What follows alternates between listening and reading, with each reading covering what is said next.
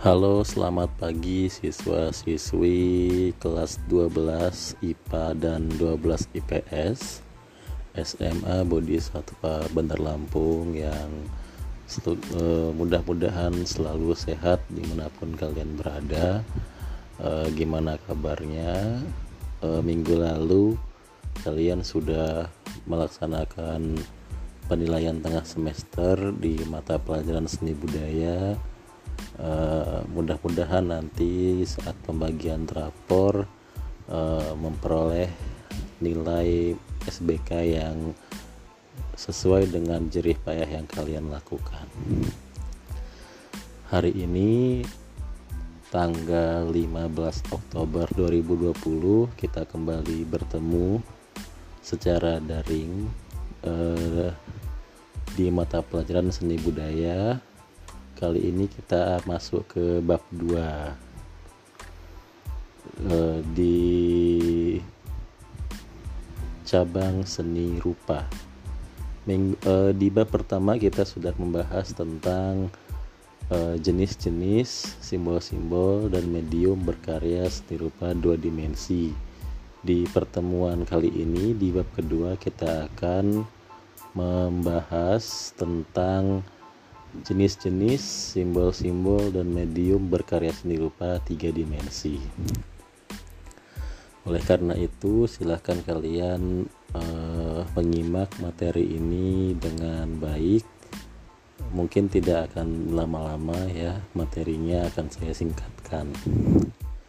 Hari ini kita akan belajar tentang uh, mengenal jenis-jenis karya seni rupa tiga dimensi ngomong-ngomong tentang karya seni rupa dari SMP sampai SMA itu tidak pernah selesai dibahas.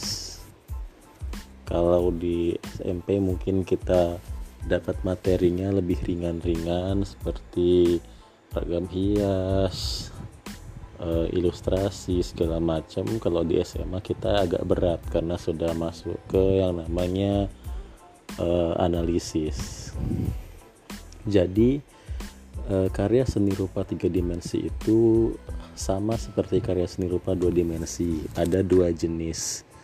Ada jenis seni rupa tiga dimensi murni dan ada juga jenis seni rupa tiga dimensi terapan. Sama seperti seni rupa dua dimensi kalau seni rupa tiga dimensi yang fungsinya sebagai seni murni dia tidak lain tidak bukan memiliki uh, nilai estetika yang hanya dinikmati keindahannya saja. Kebalikannya kalau seni rupa tiga dimensi terapan dia memiliki fungsi atau kegunaan yang bisa diaplikasikan untuk membantu pekerjaan sehari-hari. Yang menjadi pembeda antara seni rupa dua dimensi dan tiga dimensi di sini adalah wujudnya. Kalau seni rupa dua dimensi, kita hanya bisa melihat wujud nyata dalam bentuk yang pipih atau tipis atau hanya bisa dilihat dari satu arah saja. Tetapi kalau di seni rupa tiga dimensi, kita bisa melihatnya dari berbagai arah bedanya lagi kalau seni rupa dua dimensi kan tadi pipih ya saya katakan. Kalau di seni rupa tiga dimensi dia tidak pipih. Dia bervolume dia memiliki ukuran memiliki uh, pola ruang dan juga memiliki ketebalan.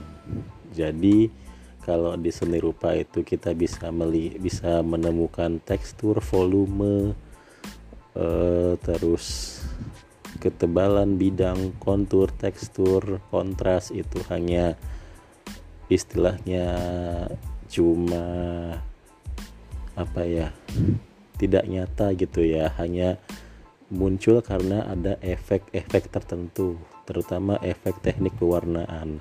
Kalau di seni rupa tiga dimensi semuanya bisa kita lihat bisa kita raba bisa kita bandingkan kita ukur secara nyata ya karena tadi benda tiga dimensi itu sudah pasti memiliki ketebalan. Ketebalan sudah pasti memiliki volume. Nah di seni rupa tiga dimensi itu uh, memiliki unsur-unsur yang hampir sama dengan seni rupa dua dimensi. Yang menjadi pembedanya kalau di seni rupa dua dimensi tadi saya katakan unsur-unsurnya itu semua sifatnya semu. Hanya muncul akibat adanya uh, apa ya karena adanya persinggungan antara kontras dengan tekstur dalam teknik pewarnaan. Tapi kalau di seni rupa tiga dimensi semuanya nyata. Warnanya nyata. Bisa dilihat bentuknya bisa kita raba langsung. Teksturnya bisa kita rasakan langsung.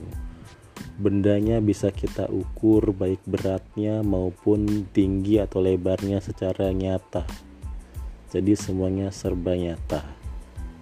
Istilahnya kalau di seni rupa dua dimensi itu uh, cuma gambaran aja.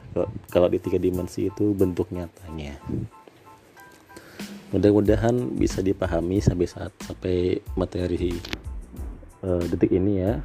Uh, selanjutnya yang menjadi titik keunikan dari seni rupa tiga dimensi ini mungkin nanti adalah di teknik pembuatannya. Teknik pembuatannya itu macam-macam. Ada yang eh sorry jangan ke teknik dulu ke medium eh ke bahan pembuatannya. Bahannya bisa macam-macam. Bisa berupa bahan alami bisa berupa bahan kimia sintetis buatan dan lain-lain. Kalau bahan alami misalkan kita bisa gunakan tanah kayu logam bambu eh, terus tepung kalau bahan-bahan sintetis kayak misalkan semen eh, apa lagi ya? Tepung juga sintetis sebenarnya. Dan masih banyak lagi lah ya. Intinya kalau di seni rupa tiga dimensi itu kita uh, mempelajari benda benda nyata. Bukan gambar benda kalau gambar benda itu di dua dimensi kalau di tiga dimensi kita belajar benda nyatanya. Nah contoh dari seni rupa tiga dimensi yang murni itu ada banyak banget. Misalkan patung. Patung itu bentuk ada beberapa jenis. Ada patung torso ada patung kepala ada apa lagi ya?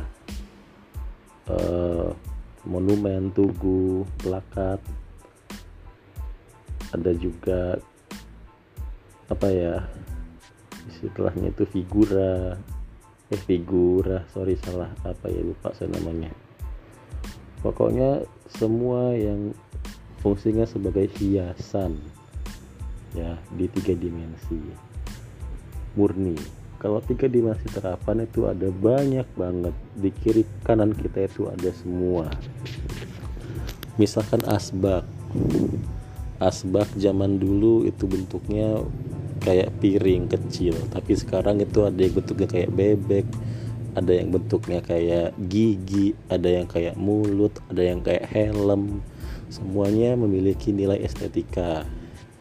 Misalkan lagi muk atau cangkir yang dulu cuma dari kaca bentuknya tabung biasa. Sekarang ada bentuk binatang bentuk tokoh-tokoh kartun dan sebagainya. Gitu ya. Yang membedakan ya kalau di seni rupa eh seni rupa tiga dimensi murni itu tidak ada nilai guna tapi kalau di seni rupa tiga dimensi terapan ada nilai gunanya mungkin itu saja materi hari ini yang bisa saya sampaikan. Silahkan dicatat dan jangan lupa dikumpulkan melalui media WhatsApp pesan WhatsApp ya. Mudah-mudahan materinya bermanfaat. Jangan lupa untuk tetap jaga kesehatan di mana pun kalian berada. Jaga jarak dan eh, saya doakan semuanya sehat selalu. Terima kasih, selamat pagi.